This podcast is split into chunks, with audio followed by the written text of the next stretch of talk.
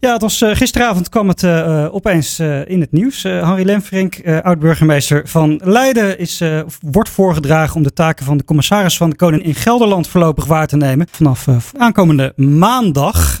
en we hebben aan de telefoon oud-burgemeester Henri Lemfrink. Welkom in de uitzending. Ja, dankjewel. Het is, het is altijd een beetje, een beetje vreemd om u nog geen burgemeester eigenlijk meer te noemen na die twintig jaar. Heeft u dat ook nog een beetje? Of, uh...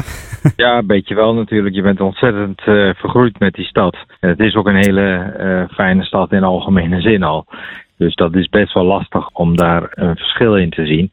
Maar ja, ik was op vakantie gegaan en toen belde de minister of ik dit wilde doen. Ja, en minister Hugo de Jonge. Wel een, ja, dat is natuurlijk wel een eervol uh, verzoek. Bovendien ken ik de provincie uh, Gelderland goed. Ik heb er uh, gewoond, ik heb er gewerkt, ik heb er gestudeerd. Um, ik heb er ook een boek over het Gelders Orkest geschreven. mijn zus woont in de Achterhoek, dus dat zijn allemaal dingen die ik denk, ja, ik ken de streken in ieder geval goed.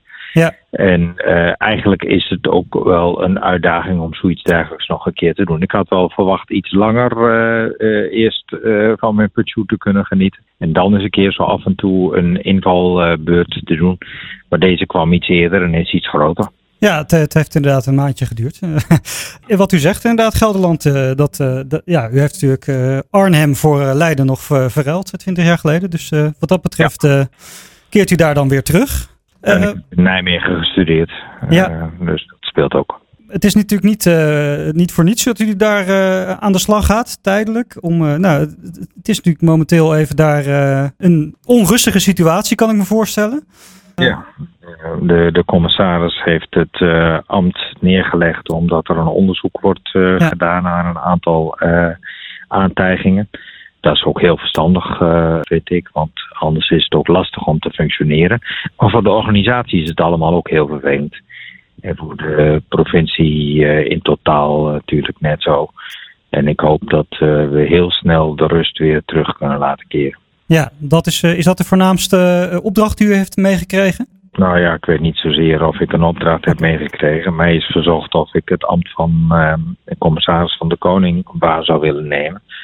En uh, als je zo kijkt naar de situatie, lijkt mij dat de rust terugbrengen heel belangrijk is. En als ik zo de eerste commentaren vanuit het Gelderse uh, hoor, dan denken de uh, statenleden en de gedeputeerden daar ook zo over.